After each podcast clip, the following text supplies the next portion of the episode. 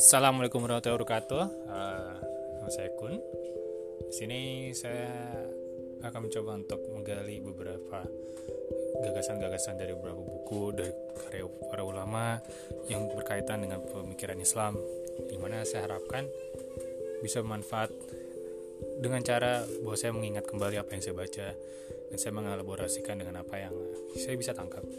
Ya, semoga dengan hal ini bisa membawa sedikit manfaat bagi para orang-orang yang mungkin kesulitan dalam membacanya atau mungkin belum sempat membacanya atau nggak mungkin ingin diingatkan lagi tentang gagasan besarnya yang ada dalam beberapa karya para ulama kita.